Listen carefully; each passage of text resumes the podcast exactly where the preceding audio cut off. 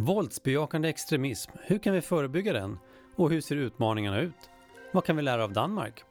Det diskuteras i det här avsnittet av Snacka om brott special av en panel vid ett seminarium som Brå arrangerade under Almedalen 2018.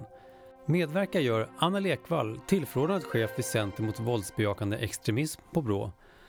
Karin Ingeman, chef för Nationalt center för förebyggelse av extremism i Danmark. Greta Berg, expert vid Sveriges kommuner och landsting, SKL. Marcus Hjelm, samordnare mot våldsbejakande extremism från Borlänge kommun. Och Magnus Ranstorp, docent och terrorismforskare vid Försvarshögskolan. Moderator är Willy Silberstein. Vi ber om ursäkt för bristande ljudkvalitet på inspelningen som gjordes i en föreläsningssal i Almedalen.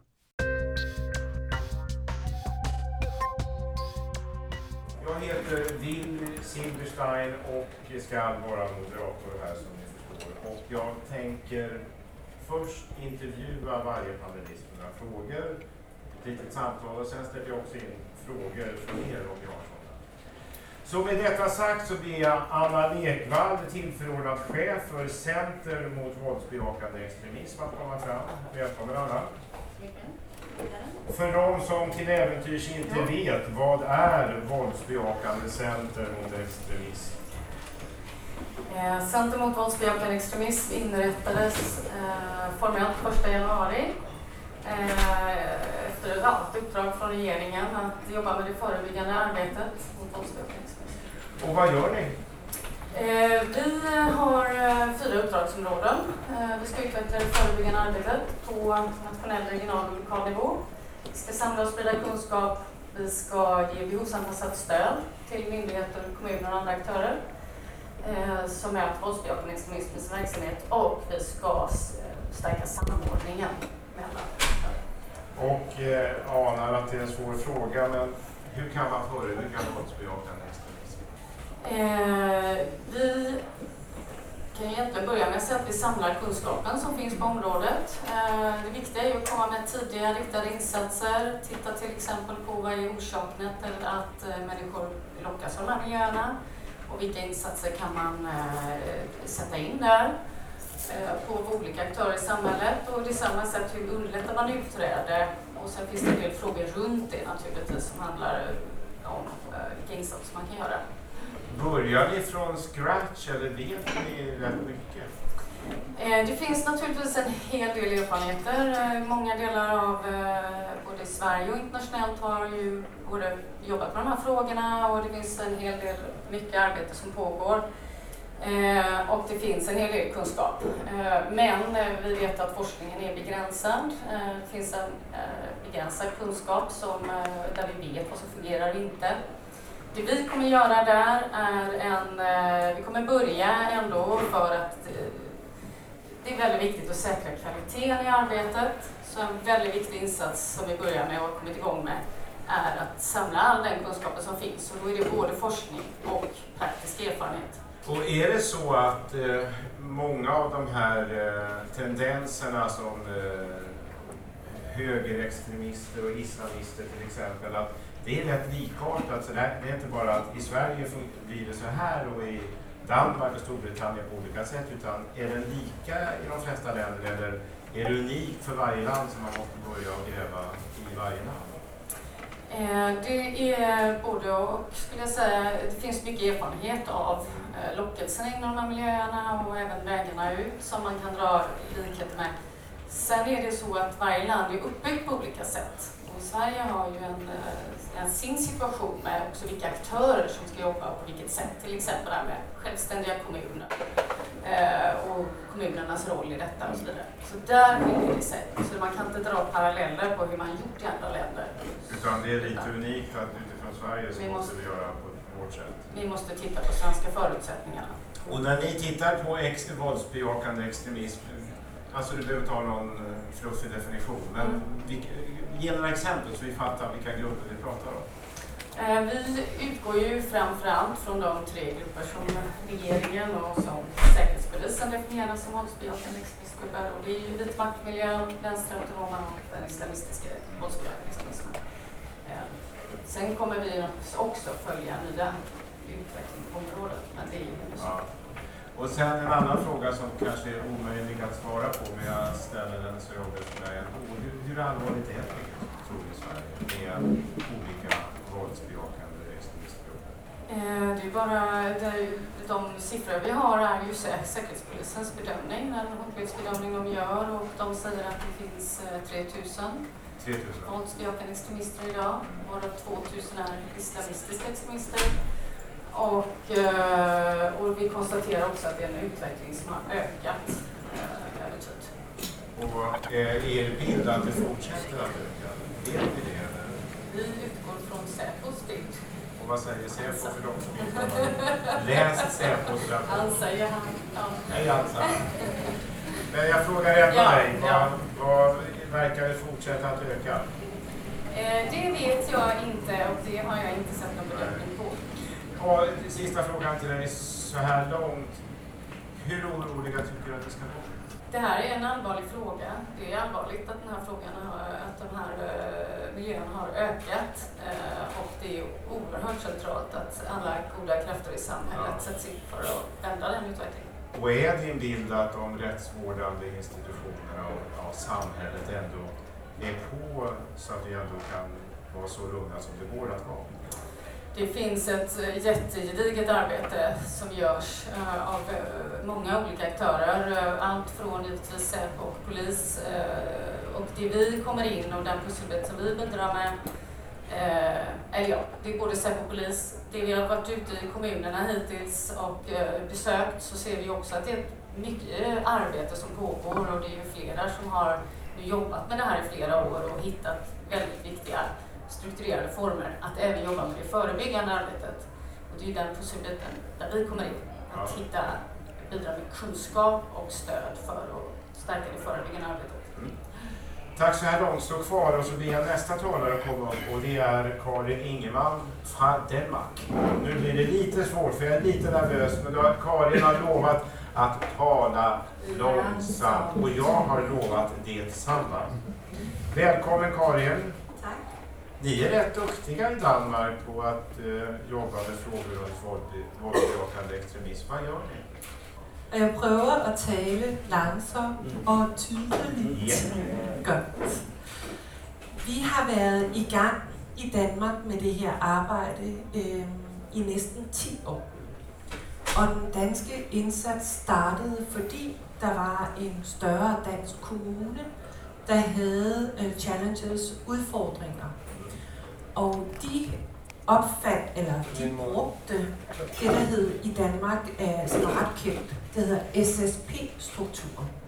Det er en struktur, der er opbygget øh, gennem mere end 40 år, altså et samarbejde mellem skole, social og politiet. Og i Aarhus Kommune, hvor man havde de her udfordringer, der besluttede man sig for, at man ville bruge det her samarbejde til at se på de unge mennesker, og se på, at ekstremisme var risikoadfærd på lige fod med andre typer risikoadfærd i forhold til det kriminelle præventive arbejde. Og øh, hele det pionerarbejde, som man gjorde i Aarhus Kommune, er det, der i dag hedder den danske model. Man valgte tilbage i, jeg kan altså ikke huske, om det er 2007 Det stykker, ingen roll. Godt. Der valgte man at, øh, at, øh, at kan man sige, implementere den her model i så mange kommuner som overhovedet muligt. Og øh, modellen går altså ud på, at der er en kommunal medarbejder, der ved noget om ekstremisme. Så er der en politimedarbejder i øh, politikredsen, kalder vi det, poliskredsen. Og når der er en ung menneske, man er bekymret for, så træder de to sammen og taler, er der en grund til, at vi er bekymrede. Det arbejde øh, har vi bygget op gennem de sidste 10 år. I de fleste kommuner er der en tovholder blandt det her SSP, og i alle politikredse er der en tovholder. Alltså, En tovholder er en koordinator. En koordinator. En koordinator. Øh, Magnus fortalte mig i går, at en tovholder, det er jo et, det er et reb, man ligesom holder fast i. Det er derfor, vi bruger et meget dansk udtryk. Og hele det her arbejde er så udviklet sig øh, over de sidste 10 år. Der er stadigvæk enkelte kommuner, der siger, jamen er det nødvendigt at have en tovholder? Vi har jo ikke nogen sager. Men i de fleste kommuner er der opbakning til den model, og øh, vi stiller løbende uddannelse, udbildning til rådighed for medarbejderne. Eh, eh, Och i, när du pratar om extremism, är det som Ja. Anna, att det är eh, vänster, högerextremism och Yes. islamism? Ja. Okej. Det er meget, meget vigtigt øh, at sige fra vores side, at når vi går ud, så taler vi ikke bestemte øh, ekstremismeformer op. Vi siger, at vi arbejder med højre og venstre øh, og øh, militant islamisme. Och är, är de här grupperingarna ett stort problem i Danmark? Vi plejer at sige, at vi, er, vi vil være ked af at tale problemerne op. Så vi taler ikke om, at der er store problemer. Vi taler om, at der er udfordringer. Vi ved, at 83 procent af alle kommuner de sidste tre år har behandlet sager om ekstremisme. Når det så er sagt, så øh, ligesom I gør øh, i, i Sverige, så bruger vi øh, efterretningsvæsenet. I Danmark hedder det PET, vi kalder dem PET. Så bruger vi deres trusselsvurderinger. Og deres øh, trusselsvurderinger det siger... hot du pratar om? Hvad siger du? Det är det hot, det är trussel? Ja, trussel... Øh, ja, Threats? ja, threats. Ja. Øh, og de vurderer så på baggrund af deres øh, åbne og lukkede Ja. kilder, hvordan truslen ser ud nu. Ja. Og truslen mod Danmark er høj. Det er den blandt andet, fordi på grund af tegningesagen i sin tid, øh, og alle mulige andre grunde, det står i den her trusselsvurdering, den er offentligt tilgængelig. Du börjar prata väldigt fort. Undskyld. Det er fordi, er fordi, jeg bliver ivrig. Ja. Men du, får jag fråga också, eh, eh, i, i Danmark så är kommunerna inte lika självständiga som i Sverige. I Sverige har kommunen väldigt stor eh, självbestämmande, de bestämmer väldigt mycket i sin egen kommun. Tror du att er modell är svårare att tillämpa, i, det kanske är svårt för dig att veta, men i ett land där kommunerna har en mycket större självständighet? Alltså i Danmark är det ju så att vi är heldiga att vi kan få kommunerna till att göra något om det står i lagen och de får pengar för det. Extremismen är det inte särskilt mycket om i lagen och de har heller inte fått några pengar. Men de gör det. Men det är för att vi har varit ute och sagt att, att när vi betraktar forebyggelsesarbejde på lige fod med anden risikoadfærd, så er det omfattet af den sociale lovgivning. Og det er faktisk også det, sådan som kommunerne betragter det her som. Det er en del af den drift, som de gør på andre områder. Men om, du, när, ni då, när den här eh, samordnaren säger, de kommer fram till att här är det några stora risker, går de in då och vidtar åtgärder för att minska hoten, eller vad gör man då? När man väl har slagit fast att här är det något farligt. Øhm, det er jeg ikke sikker på, at jeg forstår. När man väl identifierar, här är en person som utgör en risk, vad gör de då? Altså, øh, hvis der er en person, som, øh, hvor man er bekymret for, om de er i fare for at blive en del af et ekstremistisk miljø, Ja. så kommer det enten ved, at det er en medarbejder i kommunen, eller en medarbejder i politiet, som siger, vi vil gerne tale om den her person. Så har vi i den danske lovgivning mulighed for at tale præventivt om personen, inden uden at registrere. Så de, de kan altså mødes og tale uofficielt og spare og sige, er der noget, vi er bekymret for eller ikke bekymret for. Mit center er aldrig inde i individsager. Øh, de bliver håndteret lokalt af politiet og kommunen sammen. Men det foregår altså i et samarbejde mellem kommunen og politiet. Och sen och, om man bedömer det som farligt menar jag, då agerar man och, och du, øh, vi har lige udviklet et nyt screeningsværktøj for at sikre os, at der er fælles sprog mellem den pågældende medarbejder fra kommunen og den pågældende medarbejder fra politiet. Og det er fordi, det vi kan se af de undersøgelser, vi har lavet, at selvom vi har været i gang i 8 år, så er der stadigvæk forskellige opfattelse af, hvornår skal man være bekymret, hvad skal man være bekymret for. Så derfor har vi i samarbejde med, med polisen og PT udviklet det her screeningsværktøj for at sikre, at der parterne imellem er et øh, common language, fælles sprog. Gemensamt, ja. Ja, og, øh, og det er så sådan, man arbejder. Og nogle gange, så vil man sige, det her har intet med ekstremisme at gøre. Selvfølgelig kan vi se, at der er en trivselsudfordring. Kära venner ude i kommunerne, den må I løse. Nogle gange siger politiet, den sag, den tager vi. Og så er det jo så kommunen, der må vurdere, om de skal gøre noget ved siden af. Och så är det politiet, som beslutar sig för om den ska sändas vidare till säkerhetsmyndigheten. Och, alltså, jag fattar att man vet ju inte vad som inte, var- varför saker inte händer, men går det på något sätt att säga ändå hur effektivt ert arbete är? Nej. Øh, altså, jo, vi bilder os ind, at vi har rigtig gode resultater. Vi har et nationalt korps af mentorer. Har du en kommune, som har en ung, som har brug for en mentor, så har vi øh, på, på nationalt niveau uddannet både forældre, coaches og mentorer, som man kan rekvirere fra andre kommuner mod betaling. Vi har uddannet dem. Så kan vi, så kan vi bruge dem. Dem laver vi selvfølgelig målinger på, hvor gode de er. Ellers så øh, er det de tilbagemeldinger, vi får fra vores tætte samarbejder med, med frontmedarbejderne ude i kommunerne. Danmark har ligesom Sverige haft omkring 150, tror jeg det er, det ikke det omkring Marmus, der har taget unge, der har taget til Syrien. Okay, øh, som er taget til Syrien, så, så vi har også haft udfordringer. Men vi har også gode resultater, vil jeg sige. Ja, Ja, ja, vi återkommer till dig också, men nu tänkte jag ta fram nästa ta- eh, talare, Marcus Hjelm från Borlänge. Välkommen Markus. Marcus, på vilket sätt jobbar du med de här frågorna i Borlänge? Ja, då har du headseten då. Bra. Ja, det fanns ett. Det bra. bra. Tacksam för det. Jag är eh, lokal samordnare i Borlänge. Ja. Och, och innan du berättar vad du gör vill jag att vi får en bild. Hur, är, hur ser det ut på marken i Borlänge? Är det stora problem med våldsbejakande extremism? Det är svårt att bara prata om Borlänge. Man behöver vidga frågan Ja, lite. De, de rör sig lite grann. Ja. Men tittar man på, på Borlänge och kanske angränsande Ja. så är det i huvudsak vit makt som är den utmaning som vi har. Eh, I form av framförallt en gruppering som är stark, särskilt stark.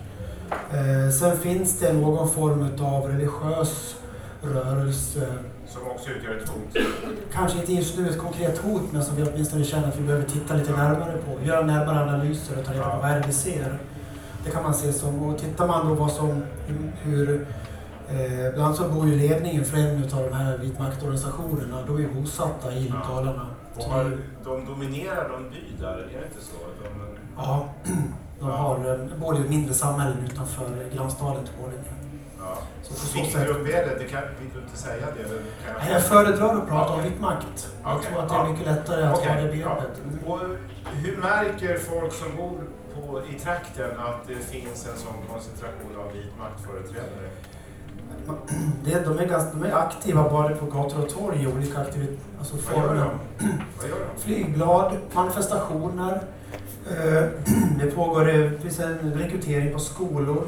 Man lägger upp lokala filmer av aktiviteter som man har genomfört i området. Eh, Och man är ganska du- man När är de, duktig. när de rekryterar på skolor, går de in? Ja, de får inte gå in på skolorna utan de står utanför och delar ut flygblad eller vad gör de? Det ställer sig precis på gränsen egentligen till var skolans område börjar. Så att mycket, ut- en stor utmaning med frågan är att det som sker är lagligt. Mycket av det som sker är lagligt. Det är okej att stå utanför en skola, tillhöra en organisation inom vit makt, hålla upp en banderoll, köra flygsiren och eh, eh, sa du? ja, en sån här tuta liksom, eller tjuter och sen ha megafoner och gapa och skrika i. Det är helt lagligt. Och det är inte olagligt heller för unga folk på skolan att gå dit och prata med de här. Verkar det fungera?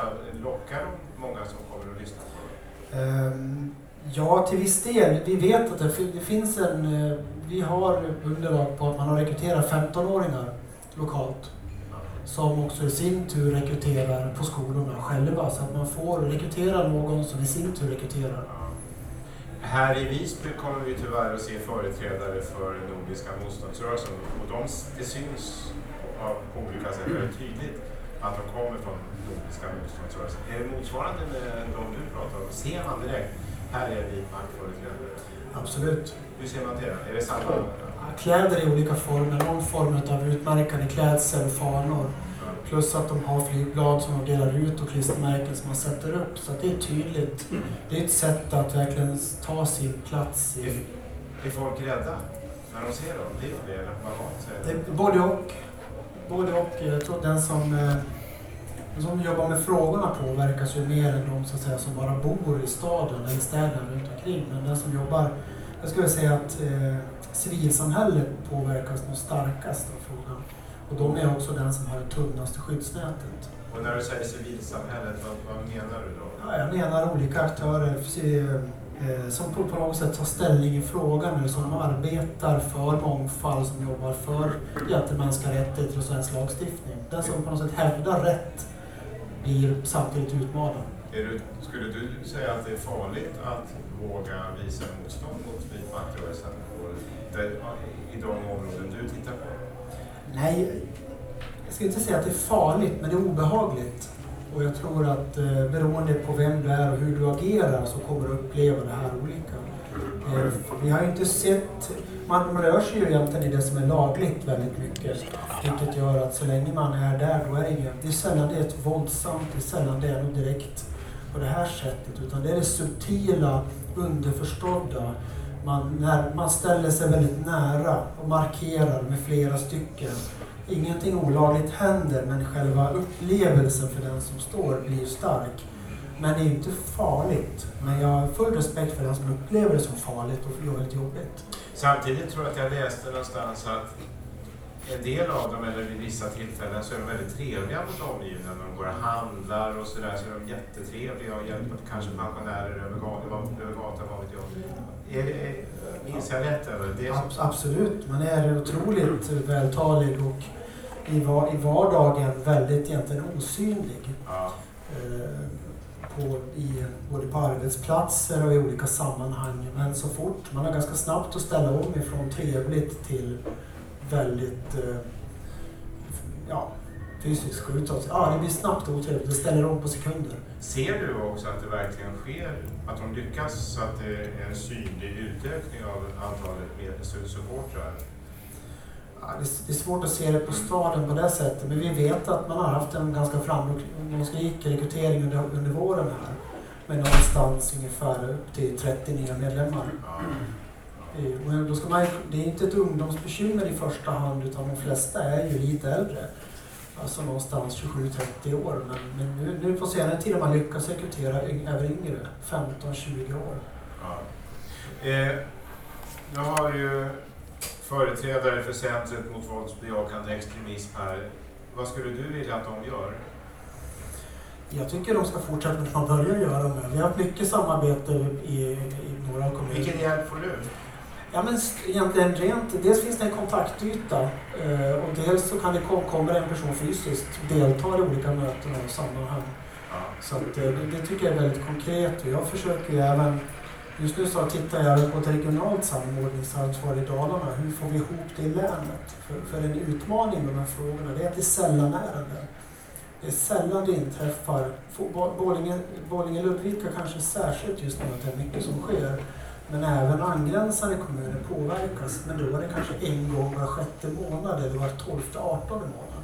Så vi tittar ju på hur vi hittar en samordning. Så att där tycker jag att det, är de aktuella ärendena som har varit så har det funnits någon fysiskt på plats.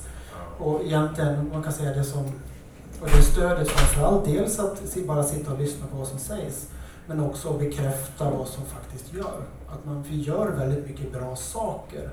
Och det behöver man ibland få höra av någon utifrån med en god erfarenhet som säger det här är faktiskt helt rätt, fortsätt med det här. En- sista fråga till dig så här långt. Känner du dig själv rädd att jobba med de här frågorna? Och ändå, du, de vet väl att du gör det? Jag, jag, jag känner mig inte rädd. Däremot är jag väldigt medveten hur jag rör mig och, och eh, som till exempel att vara i Visby innebär att, att det, är inte läge att gå på mörka bakgator sent på natten så att säga. Så med med kunskap och medvetenhet så känner jag mig inte rädd. Nej. Okej, då ska vi be nästa talare att komma upp och det är Greta Berg från SKL. Välkommen Greta. Du jobbar med de här frågorna på SKL. Ja. Hur på är SKL dessa frågor? Eh, ja, det är en definitionsfråga. Du får definiera som du vill. Ja, tack. Eh, vi har ju varit med från början. Jag kan säga så här att många kommuner i Sverige hade ju för några år sedan inget alls arbete med den här frågan. Utan det var några få kommuner som hade eh, reella problem som de kände till och som de också jobbade med. Bland annat Borlänge då och vissa andra kommuner som hade problem. Eh, SKL hade inte alls eh, någonting i den här frågan. Men sen, sen den nationella samordnaren tillsattes för några år sedan i, i Sverige, då blev vi en del av det arbetet och har deltagit i, i deras arbete och också försökt hjälpa till och, och få kommunerna att vara medvetna om den här problematiken och också vässa sitt arbete på olika sätt. Så då har vi ganska, varit ganska aktiva. Vi har vi, egentligen, vi försöker täcka upp liksom för hur kommunerna själva ser ut och arbetar. Så att dels är det då jag som jobbar med framförallt med brottsförebyggande frågor. Det är en person som jobbar med demokratifrågor som också jobbar med den här frågan. Och vi har också kontaktpersoner både på socialtjänstsidan och på skolsidan. Vilket gör att vi försöker täcka upp de, de kommunala ansvarsområden vi kan se som kan behöva stöd från olika professioner hos oss. Är det många eh, kommuner som i ditt tycke inte tar de här frågorna på tillräckligt allvar? Ja, alltså jag, jag, vet inte riktigt hur det ser ut nu. Jag tror att det är så, att det finns kommuner som borde ta det på större allvar. Men, men framförallt så var man får se att det är en process som, som började för några år sedan och som har liksom sakta gått framåt. Och vi har haft en enorm aktivitet ute i kommunerna som förut var noll, som har gått upp till ganska stor aktivitet. Vi har gjort frågorna synliga, vi har synliggjort dem, vi har eh, fått stöd, alltså nationella samordnaren när den fanns åkte ut till nästan, nästan alla kommuner och besökte kommunledning och pratade kring om våldsbejakande extremism och vad kan man göra på lokal nivå, vad har kommunerna för ansvar. Alla kommuner, i princip alla, utsåg en samordnare på lokal nivå som skulle ha hand om den här frågan. Många kommuner tar fram handlingsplaner, har varit lite varierande kvalitet på dem, men trots allt så finns det någon slags politiskt engagemang och tänk och det finns nog ingen kommun i Sverige som säger det här är inte en viktig fråga. Det tycker alla. Sen så är det lite beroende på vilken problematik man har, vilken problem man känner till. Det ser väldigt olika ut. Men, men engagemanget från kommunernas sida har gått från 0 till 100 kan jag säga. Och har verkligen utvecklats. Finns det, vi hörde ju här eh, av Marcus att det finns rätt koncentrerat företrädare för vit makt. Du som har eh, en överblick, är det vanligt att det finns öar av extremism eller är det eh, mera eh, jämntjockt eller hur ser det ut? Jag, jag, det kanske inte vet? Nej, jag vet inte nej. men vad, min uppfattning är ändå att, att det finns eh, ganska liten del kommuner som har ett rejält stort problem. Sen finns det många kommuner som kanske borde titta lite mer och vara lite mer beredda på att det kan uppkomma och liksom vara lite mer på tårna, kanske samarbeta lite tajtare med polisen kring just den här frågan. Men att eh, de kommuner som har stora problem är också medvetna om det. Det är ja. min uppfattning. Och det är en annan fråga som du inte kanske svarar på, men alltså de kommuner som inte som borde eh, se, agera mer och inte gör det, är det ont om pengar eller kan förklaringen vara? Nej, men det kan ju helt enkelt vara så att man inte riktigt uppmärksammat det. Det kan ju till exempel vara så att någon eh, miljö börjar rekrytera utifrån en skola eller dela ut någonting och skolan ser inte problemet riktigt eller inte tillräckligt fort och äh, slår liksom inte larm om det här. För någonstans måste du börja på lokal nivå. Någon måste ju se det här. Någon måste ju liksom dra i, i någon slags vifta med flagg och säga nu händer någonting här. Vad är det som händer? Vilka ska vi prata med det här om? Är det i socialtjänsten? Vilka är det som står där? Är det polisen? Är det säkerhetspolisen på något vis? Så det kan ju vara sådana saker att det börjar gro någonstans och man inte riktigt den skolan har inte liksom sagt någonting och då kan inte någon veta om det. Fast polisen kanske känner till det, det vet inte jag. Men... Och vad hoppas ni från eh, SKL då att centret ska leverera? Ja, men jag, jag tycker att centret har börjat väldigt bra. Jag var väldigt, väldigt positiv till att centret inrättades och, eh, och att det ligger också under Brottsförebyggande rådet som tidigare har väldigt stor erfarenhet av att jobba stöttande mot kommunerna på lokal nivå. Ehm, och eh, jag tror att, att det som de har börjat jobba med är väldigt bra. Man ger stöd, man finns som ett bollplank för kommunerna, de hör av sig till centret. Det är väldigt specifika frågor man har och det kan inte vem som helst svara på. Så det är bra att det finns en expertkompetens där. Ehm, och jag tror också framförallt att det som centret kan bidra med och som jag också tror är deras ambition, det är väl att om man ska också liksom, dels så, hur, hur vet man att man har problem? Hur, hur gör man lokal lägesbild? Hur, gör man, hur, hur liksom, ser man situationen? Sen nästa steg är vad gör vi åt den? Och det är ju det som kanske är den svåraste frågan. Vad faror gör vi? För att vi jobbar med demokrati ute i skolorna och pratar om den här frågan, det är en sak. Att socialtjänst, socialsekreterarna eh, känner till problematiken och kan tolka när man träffar individer. Är det här någonting som vi ska liksom, ska jag gå vidare med det här på något sätt? Vem ska jag prata med? Hur ska jag hjälpa den här individen på bästa sätt? Det också, men sen finns det mycket annat. Jag tror liksom att vi behöver veta först hur, eller vad, och sen så också hur gör vi? Och det tror jag Center kan liksom bidra med framåt. Tack så här långt. Eh, sista man ut är Magnus Ranstorp, docent och terrorismforskare vid Försvarshögskolan. Var det rätt titel? Det stämmer. Vad skönt, jag kom på mitt jag borde ha kollat det. Det var bra. Magnus, du har ju eh, stor kunskap på det här området. Vad, vad, är, vad är din bedömning? Hur stort problem är våldsbejakande extremism i Sverige? Ja, man måste ju ha någonting att jämföra med och om man jämför ur ett nordiskt perspektiv så har vi väldigt mycket extremism. Um, generellt sett om vi tittar på IS-resenärer så har vi i Sverige 300, 150 tillbaka. Eh, vi har i hela Norden 500. Eh, det är mycket för hela Norden. Mm. Vi har ju epicentret för vit makt, eh, om vi nu pratar om NMR. Och även andra grupper är i Sverige. Ledarskapet till och med sitter i Sverige. Så vi har mycket.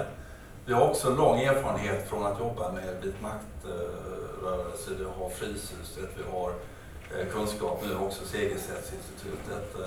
Det är väldigt viktigt. Och sen har vi också den autonoma miljön. Och Säkerhetspolisen har ju varit väldigt öppen med hur ser de här miljöerna, hur stora är de?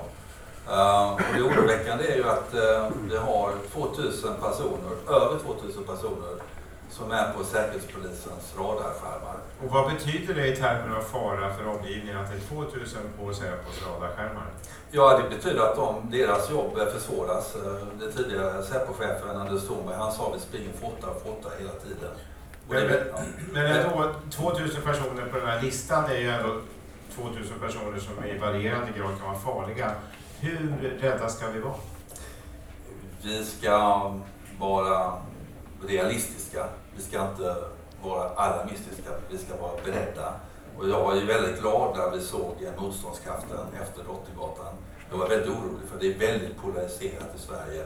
Debatten är polariserad, växelverken är polariserad. Så att eh, det kan hända. Vi är beredda och jag tycker att eh, alla myndigheter har har börjat ta sitt ansvar och framförallt inte minst polisen. Och när du säger debatten är polariserad, varför påverkar det de här frågorna? det påverkar ju för att um, om man tittar på strategiskt vad är det viktigaste, så att säga, oavsett om man inte kan förhindra någonting, så handlar det om att inte få polarisering i samhället. Att snabbt komma tillbaka på fötterna igen. Att stå samman. Och det tycker jag i Norden, på alla de påfrestningar. Allt ifrån Breivik till Danmark till de här och Åbo i Finland. vi har gjort det. Vi har inte, vi har inte ryckts med i att eh, skapa, eh, vi har försökt minimera de här främlingsfientliga. Och att det har kommit tillbaka 150 IS-krigare. Hur farliga är de? Alltså jag fattar att det varierar, men ändå. Alltså jag, jag brukar säga så här, vi glömmer ofta att två personer som var hos IS var med i Paris och Bryssel. Mm. Uh, jag, kan inte, jag kan inte tänka mig något annat land som har haft det. Det kan vara en tillfällighet. Uh, så att det kan hända. Vi har haft tur. Vi har haft fyra svenskar som åkte till Köpenhamn och skulle göra en Mumbai-liknande attack där. Ja. Så att det är farligt. Ja. Tycker du att vi har vaknat för sent i Sverige med att hantera de här frågorna? Ja, alltså de som jobbar med detta operativt, polisen, säkerhetspolisen och andra, de har jobbat på hela tiden. Eh, men det har blivit mer komplicerat med globaliseringen, ja. kopplingarna där. Men vilka är det som inte har jobbat tillräckligt vi nu Nej, men det är ju... klarspråk? Ja, vi talar klarspråk. Ja. Eh, vi har ju haft... Eh, vi gjorde ju en rapport 2013 till Birgitta Olsson och då började den här frågan komma. Då märkte vi ISV komma upp. Och vi åkte till Göteborg och frågade Angered, vad har ni gjort i den här frågan? Mm. Och de sa i princip, de tittade på oss som frågetecken. Och sen började de jobba. Så att, det, har tagit väldigt lång tid. Eh, jag tänkte höra lite också. Jag, jag, har sett någonstans att du har bestämt att inte ha så mycket synpunkter än på eh, Centret mot våldsbejakande extremism. Men, eller? Du får jättegärna ha synpunkter om du vill. Nej, men alltså, jag har ju sett det här. Det var ju en av förslagen vi hade från, från arbetet med Birgitta Olsson-rapporten. Vi, vi och, eh, och en annan myndighet föreslog att vi behöver ha den här motorn. För det är ett väldigt långt avstånd mellan den statliga delen och den nationella delen. Och där tycker jag allting fungerar väl. Den tidigare samordnaren hade en referensgrupp. Det görs väldigt mycket på, på myndigheterna. Men sen hur trycker man ner det längst ut i linan? Och det blev ju ganska tydligt när, när äh, kulturministern exempelvis fick frågan hur mycket, mycket arbete bedrivs i olika kommuner. Eh, och eh, det var svårt att svara på den. Eh, för att, och vi har fortfarande svårt att svara på vad är, liksom, vad är resultaten? Och det är egentligen det jag alltid säger att det är bra att ha en övergripande bild över hur långt har vi kommit i de här frågorna. och det är också för, för att få fram utmaningarna, inte bara hur många fall man jobbar med. och här behöver vi också politisk support. Politisk support som ger resurser att det här också, det här, det här är, är viktigt eh, att jobba med de här frågorna. Och, och, det har man exempelvis i Århus i, i, Danmark. Eh, vi har väl kanske inte sett samma um, fokus i, i, i Sverige eh, på den här frågan. Danmark är bättre än Sverige på det här. Ja, jag vet att jag retade upp Mona Sahlin ofta. Jag sa alltid att uh, i början på arbetet så sa jag att arbete, om man jämför Danmark och Sverige så är det som att jämföra uh, lågstadiet med uh, ja, gymnasiet till universitetsdelen. För jag såg det, för jag, jag var med från början i Danmark och jag ledde också Köpenhamns stads arbete, eh, också även under terrorattentatet. Um, imponerad över hur man jobbade, och det gör man säkerligen också i Sverige, men jag har inte sett det personligen, jobbar lokalt sett mellan olika myndigheter för att jobba fram lösningar på olika problem. Demokratifrämjande, att jobba mot sårbara utsatta grupper och också skarpt mot Eh, individer som är riktigt långt inne eller som är dömda för, för terror. Ja, men tycker du inte att staten tar, eh, har tillräcklig skjuts från sin kant i de här frågorna? Jag tycker att eh, det har blivit väldigt tyst i frågorna och det är bra. Jag tycker det är bra att det är tyst och att man kan få lugn och ro och etablera centret. Det tycker jag är bra. Men det är också viktigt att ha en viss synlighet, att man, man gör någonting i frågorna. Och vem pratar om centret i sig nu eller pratar nej, om politikerna? Nej, jag tycker att alltså, politikerna måste också förstå, vi ska inte ha för stort fokus på, på, på frågeställningarna. Vi måste också ha lösningarna. Ja. Eh, jag tycker att för länge hade vi kunskapsupphöjande insatser. Um, men vi skulle, det var två saker egentligen vi skulle gjort från början. Det var här innan centret uh, med nationella samordnaren. Det första var att vi skulle insett att det här med sekretesslagstiftningen, uh, det skulle vi börjat jobba med politiskt sätt att få till den här utredningen från början. Ehm, det var några förlorade år där. Eh, så man kan byta, eh, eller i alla fall eh, bryta ner utbytet av information. Ehm, jag glömde den andra. Okay, det kommer säkert sen. Ja, absolut. Men och, till sist då med, med dig Magnus. Eh, om du skulle önska någonting som, nu är ju centret så nytt så det kanske är en orättvis fråga, men om du skulle önska någonting som du skulle vilja se att centret gör som de inte så här långt verkar göra? Har du något? Ja, alltså jag, jag, har, jag har redan sagt uh, det i referensgruppsmöten. Ja, men alla här har inte varit med på referensgruppsmöten. Nej, men eh, det är bra att ha en, en årlig inventering av vad är utmaningarna och vad, är, och, och vad um, behöver vi göra någonting och hur långt har vi kommit. Sen också metodutveckling. Ehm, jag tycker det är jättebra att man följer Danmarks exempel med, med eh, forsknings och evidensbaserade eh, utvärderingar och, och fokus på det. Ehm, men också, vi får inte glömma att det finns eh, beprövad praxis som redan finns. Vi håller på med det i Europa, Iran, Iran-nätverket och så vidare. Det finns mycket kunskap. Ehm, så det är en, en sak. Och sen det andra är civilsamhället. Vi måste få med och vilka tänker du på då? Nej, men det är alla möjliga aktörer. Vi ska, vara, vi ska prata med alla eh, aktörer för att se vad, vad de kan bidra med. Uh, och det är en viktig del, för, för vi löser inte det här ensamma. Nej. Tack Magnus. Eh, vi tar en liten kort runda här och sen om det finns frågor här ute så är det väldigt välkommet. Men Anna, nu har du fått lite synpunkter. Vad, vad tänker du? Eh, Funkar den här? Ja då. Ja, nej, men det ligger väldigt väl i linje med vad alla de frågorna som har kommit fram här är ju saker som vi ligger i våra planer. Vi kommer jobba med metodutveckling. Eh, vi har planer på att ta fram en... Eh, vi undersöker just nu förutsättningarna för att ta fram en sån här årlig inventering. Eh, Det måste... Och så bara så att det klargörs, inventering av vad egentligen? Plötsligt står det det. Ja, jag menar att kunna titta nationellt på hur ser arbetet ut, hur ser situationen ut, kunna samla en, få en samlad bild och det är ett kunskapsläge. Eh, de, det håller vi på att titta på och har i våra planer. Eh, vad var det mer som nämndes här? Eh, eh, Civilsa, tack för den. Eh, ja, absolut. Civilsamhällets roll i detta är jättecentralt och vi har eh, en, serie av möten bokade med olika grupperingar i höst. för Kan du inte ge några exempel? För jag tror ändå att vi inte alla riktigt fattar vad det är. Civilsamhället? Civilsamhälle? Ja. Ja, men vi har undersökt just hur vi ska jobba med civilsamhället eftersom det just Men jag menar är väldigt vilka, olika. grupp, vilka grupper Ja, eller precis. vad? Ja. Eh, du har ju både eh, sådana aktörer som har jobbat ett antal år med eh, våldsbejakande extremism och specifikt kring avhopp, då, hur man lämnar. Eh, det är till exempel grupper som eh, Fryshuset, Den andra sidan Sverige, Hjälpkällan har mycket erfarenhet av lämna sekter. Ja. Det är en grupp. Och sen finns det ju väldigt stora, breda som når ut väldigt långt i samhället. Eh, Allt från studieförbund och Svenska kyrkan och olika aktörer, Rädda Barnen som är väldigt engagerade och som når ut. Och så har vi ju trossamfund som spelar en otroligt central roll. Muslimska organisationer vill vi gärna prata med eh, och ha en dialog både för att fånga upp men också stärka kapaciteten att själv möta de här. Tänker du åka till Danmark och copy-paste?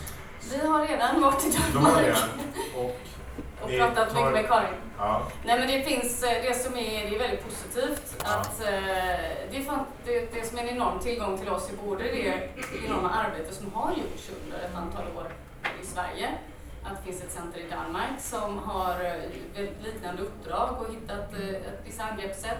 Så eh, ja, vi kommer absolut ha mycket inspiration och vi har redan ett bra samarbete. Karin, får jag fråga dig, du har förhoppningsvis förstått varje svenskt ord som har sagts här. Vad, vad, vad är din bild av eh, Sveriges förmåga att effektivt hantera de här frågorna? Och du behöver inte vara artig och fin i kanten, utan säg vad du tänker. Jeg synes, det er, det er svært at gå ind og vurdere.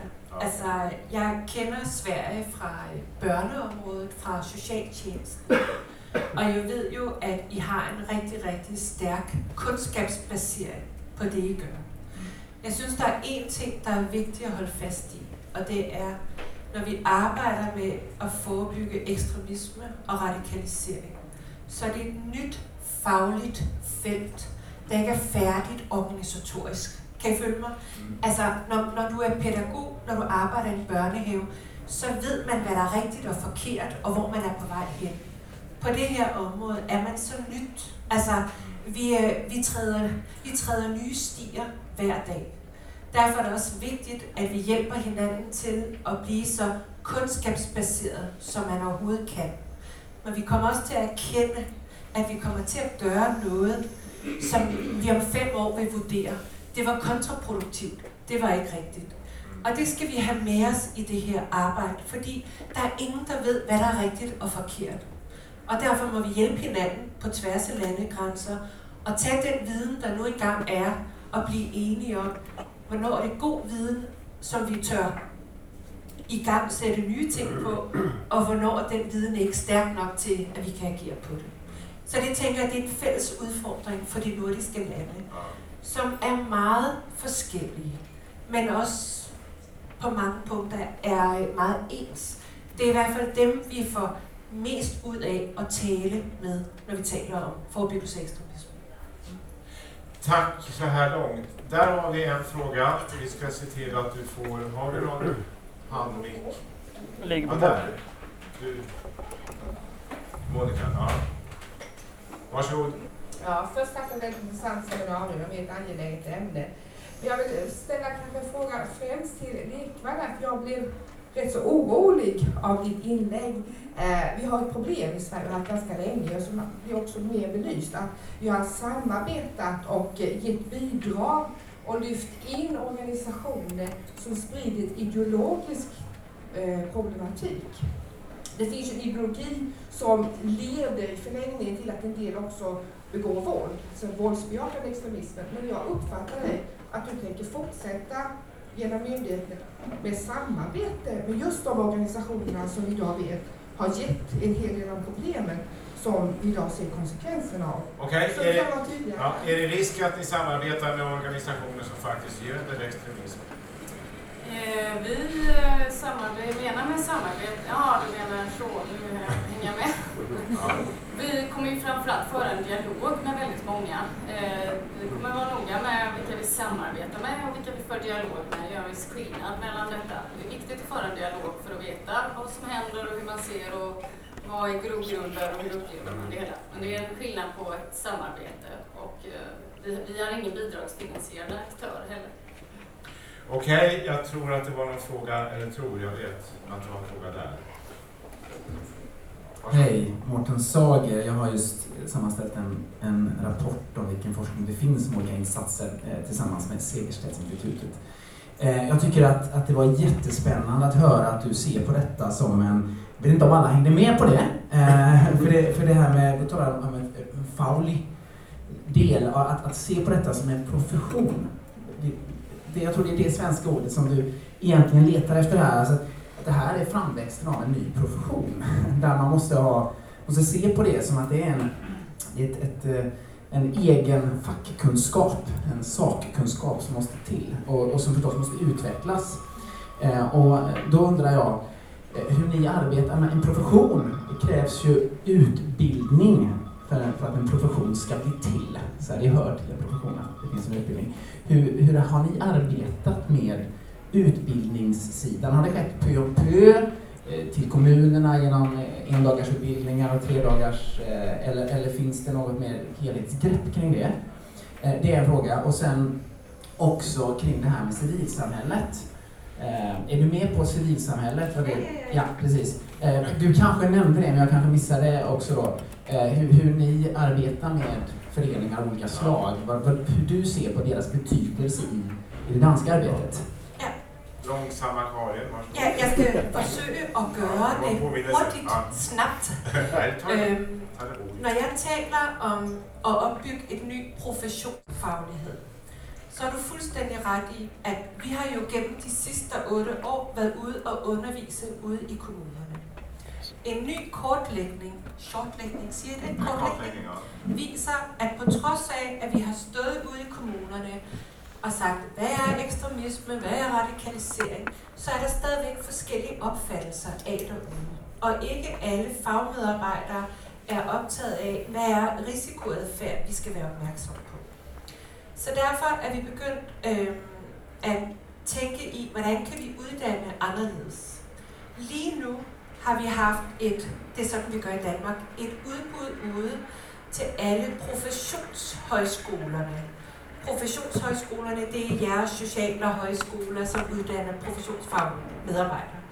Og de er i gang med, skal i gang med, der er en af dem, vi skal have valgt, der skal lave et efteruddannelsesforløb for medarbejdere inden for den her sektor. Og det er første skridt i retning af at professionsgøre det. Så har vi som en del af den styrelse, øh, som mit center ligger i, der har vi øh, det, der hedder en vidensstrategi. Så vi har sådan de første møder med rektorkollegiet i Danmark øh, på professionshøjskolerne, og vi taler om at opbygge vidensalliancer. Så, så vi prøver, altså vi er stadigvæk på et indledende fase, men vi prøver faktisk at steppe op på, hvordan kan vi øh, blive meget bedre også til at få, få beskrevet læringsmål, kompetencemål for den uddannelse, vi skal i gang med. Så vi er på vej. I øvrigt stærkt inspireret også af Sikkersted Institut og nogle af de første publikationer øh, derfra. Det var den ene ting. Civilsamfundet. Det er der, hvor Magnus plejer at sige til mig, der kan I lære noget svært, ikke? Jeg vil sige det sådan, at i Danmark har vi en stærk, stærk tradition for et mynd, stærkt myndighedssamarbejde. vi är inte lika gode på någon del av civilsamfundet på det här området. Och jag syns faktiskt också det är ganska svårt. För vem ska vi samarbeta med? Øh, hvordan samarbejder man om at forebygge ekstremisme og radikalisering? Vi vil jo sige, at, at vi, vi, vi arbejder normalt op med det, der hedder den øh. Og hvis du skal samarbejde, hvor, hvor det nederste det er det grønne, hvor du arbejder opbyggende blandt de unge. Og vi, vi går og taler lidt om, at det overhovedet øh, forebygge ekstremisme, det er måske forebygge, øh, eller det er måske arbejde med medborgerskab, det er arbejde med demokrati, og det vi i Danmark kalder dannelse. Hvad kalder I det på svensk? Ja, okay. Hele dannelsesbegrebet. Øhm. Ja. okay.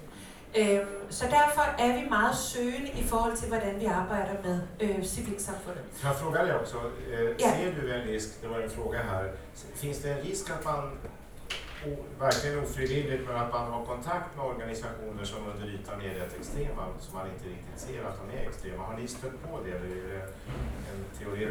Marcus kan börja om du vill tänka kvar. Ja.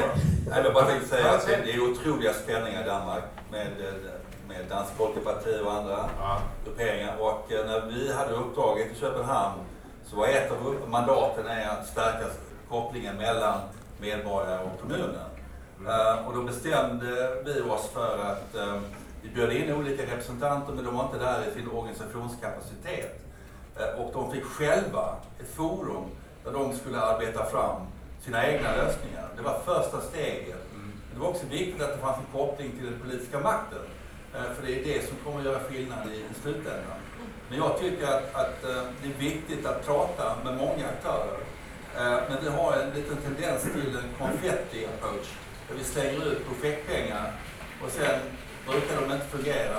Ofta så brukar också det här arbetet bäst skötas genom indirekt arbete. Det vill säga man ska inte nämna någonting om extremism. Det kan vara stärkande eh, åtgärder.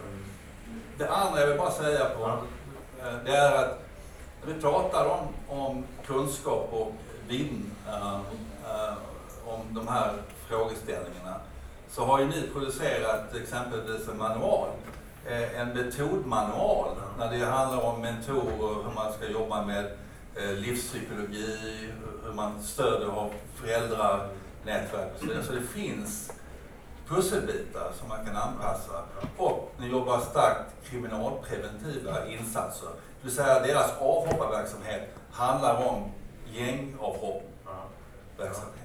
Vill du komplettera Karin? Eller? Jamen, jeg vil lige sige omkring det med, med civilsamfundet. Øhm, vi har jo i Danmark fået en, øh, en, en ændring i det, der hedder folkeoplysningsloven.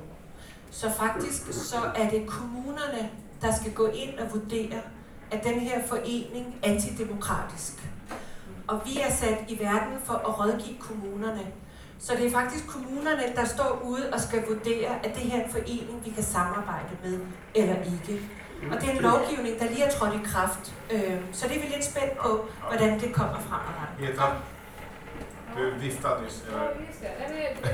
Jag hänger på det där. att Så ser det ut idag också. att Det är kommunerna som framförallt bestämmer vem man ska ge då föreningsbidrag till exempel. Och det där är ju en ganska svår fråga därför att kommunen ska ju, ska ju vara demokratisk såklart, och man ska ge, men man ska också behandla alla lika. Och vi har ju yttrandefrihet i Sverige och det, därför är det lite svårt. Vilka ska man hyra ut lokaler till till exempel? Eh, Det ser inte bra ut att, att det är folk som marscherar eller gör eh, olika saker i, i skolans lokaler. Eh, Men gör det olagligt? Nej, alltså det, det, för kommunerna är det här ingen helt lätt fråga.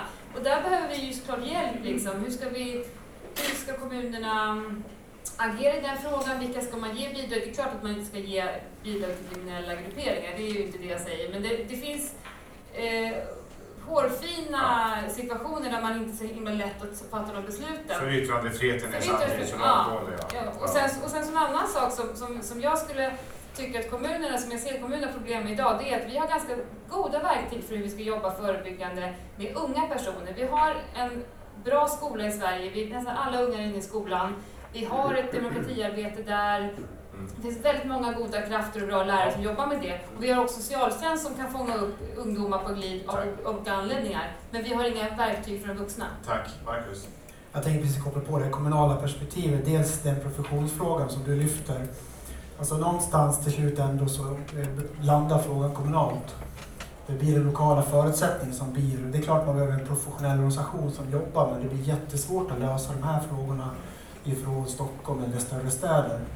Eh, så jag, tror, jag håller med, man behöver titta på profession för jag tror det är det man ser. Men man behöver hitta ett sätt att jobba lokalt med frågan. Det, det, är, det är bra med ett stöd för till exempel CVE, men det måste finnas en lokal kompetens. Eh, och jag skickar med också, eller jag tänker också det här att, att det är mycket diskussion om större städer idag. Där Stockholm, Göteborg, Malmö återkommer det mesta. Och så åker jag hem till Borlänge, 40, är vi 49, 52 000 invånare och så tittar vi över hela länet. Vissa tider på dygnet har vi två eller tre polispatruller. Så åker vi ner på städer som ligger på 26 000 invånare, som Ludvika till exempel, så åker vi ännu längre ut. Vi måste prata landsbygd och förutsättningar på landsbygden, för vi har rekryteringsproblem med lärare, vi har vakanser i socialtjänsten, polisen har svårt att behålla personal, socialtjänsten byter personal. Hur får vi ihop det där?